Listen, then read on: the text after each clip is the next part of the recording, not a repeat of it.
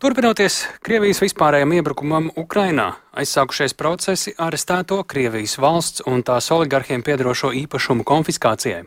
Lai skaidrotu, kā Ukrāņiem ar to veicas, esam sazinājušies ar Latvijas radio korespondentu Ukrainā Indru Sprānci. Indra, lūdzu!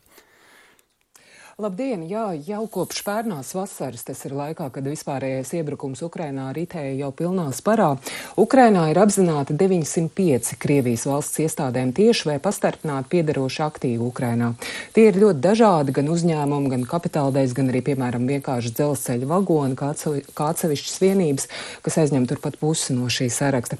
Tomēr, lai arī šāds saraksts ar šādiem Krievijas valstī tieši vai pastarpināti piedarošiem aktīviem ir sagatavots, šobrīd juridiski juridiskais process šo visu īpašumu nacionalizācijai tomēr vēl nav palaists uz priekšu, jo tiek ļoti rūpīgi vērtēt iespējamās juridiskās sekas šiem lēmumiem un kādu ietekmi tie varētu atstāt nākotnē pēc kara beigām. Taču tas, kur Ukraiņi virzās uz priekšu, ir saistīts ar sankcionēto personu aktīvu konfiskāciju caur tiesu. Un augstākā pretkorupcijas tiesa ir deleģēta skatīt jautājumus par sankcionēto personu īpašumu konfiskāciju un kopumā šādu personu Ukraiņu sarakstos ir ap 4000. Taču ne visiem ir īpašumi Ukrainā, un šobrīd Ukraiņi ir apzinājuši aptuveni 200 ar Krievijas pilsoņiem saistītas lielas kompānijas, tajā skaitā energoapgādes kompānijas uzņēmumu, kas saistīti ar dažādu derīgo izrakteņu ieguvu, kur Ukraiņu puse uzskata, ka varētu pierādīt īpašumu piedarību sankcionētajām personām. Un turpinājumā paklausīsimies mazu fragmentu no šo procesu uzraugošā analītiskā centra Steitvača vadītāja Gleba Kaņievska skaidrotā man intervijā. Сейчас весь этот бизнес в основном арестован, но еще не конфискован. Šobrīd viss šis bizness pārsvarā ir arestēts, bet vēl nav konfiscēts, jo patiesībā mums ir gandrīz pusotras desmit tiesas lēmumu par konfiskāciju.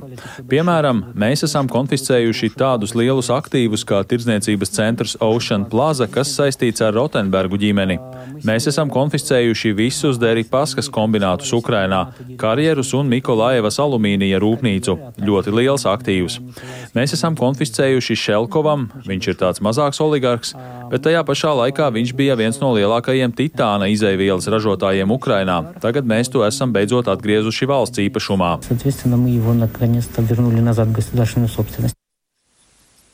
Jā, tad eh, šie īpašumi pamazām tiek konfiscēti ar tiesas lēmumiem un tikai sankcionētām personām. Šajā sankcionēto personu sarakstā nav tikai Krievijas varēja pietuvinātie, bet arī, piemēram, Ukraiņi, piemēram, nu, prokrieviskais politiķis Viktors Medvečuks un citi, kas tiek uzskatīts atbalstījuši Krievijas uh, iebrukumu vai sadarbojušies ar agresoru valsts pārstāvjiem. Jā, Indra, vai ar šiem jau konfiscētajiem un pēc tam realizētajiem vai vēl realizējamiem aktīviem varētu pietikt, lai kompensētu tos postījumus, milzīgos postījumus, ko Krievija ir nodarījusi savu iebrukumu laikā. Nē, ne tuvu, diemžēl.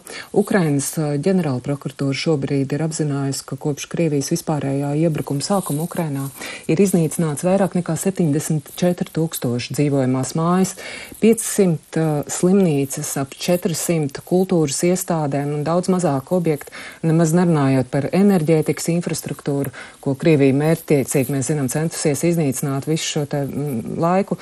Tas viss tagad ir savilkts kopā un kopējie nodarītie postī ieguldījumus šobrīd tiek lēst ap 700 līdz 800 miljārdiem dolāru. Paklausīsimies fragment no Ukrainas prezidenta biroja pārstāvja Oleha Havroša vakar stāstītā preses konferencē, kas Kīvā šeit bija veltīta šim tematam. Оцінки такові, що ми зараз, як держава, оцінюємо розмір цих всіх руйнувань. Aprēķini šobrīd ir tādi, ka mēs kā valsts esam novērtējuši Krievijas radītos postījumus 700 līdz 800 miljardu dolāru apjomā. Tā ir milzīga summa. Nodarītos postījumus var atlīdzināt ar to Krievijas naudu, kas šobrīd visā pasaulē ir arestēta - vairāk nekā 100 miljardi dolāru. Bet tas ir process, tas norit. Ir apvienotā nācija rezolūcija. Virkne valstu ir pieņēmušas savus lēmumus un mēs ceram šos līdzekļus atgūt 5 līdz 7 gadu laikā, sliktākajā gadījumā līdz 10 gadiem.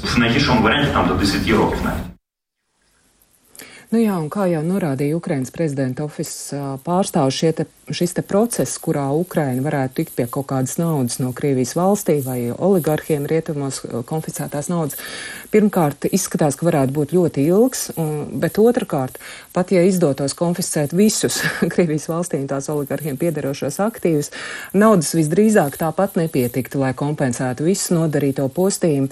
Tāpēc Ukraina jau tagad gatavojās, ka varētu būt tā, ka Ukraina vērsīsies tiesā pret Krieviju un šādā veidā mēģinās piedzīt nodarītos zaudējumus, nodarītos zaudējumus par šiem te milzīgajiem postījumiem. Sakām paldies Indrai Sprāncei. Tiešraidē ar viņu sazinājāmies no Ukrainas. Tur aizsākušies procesi arestēto Krievijas valsts un tās oligarhiem piedarošo īpašumu konfiskācijai.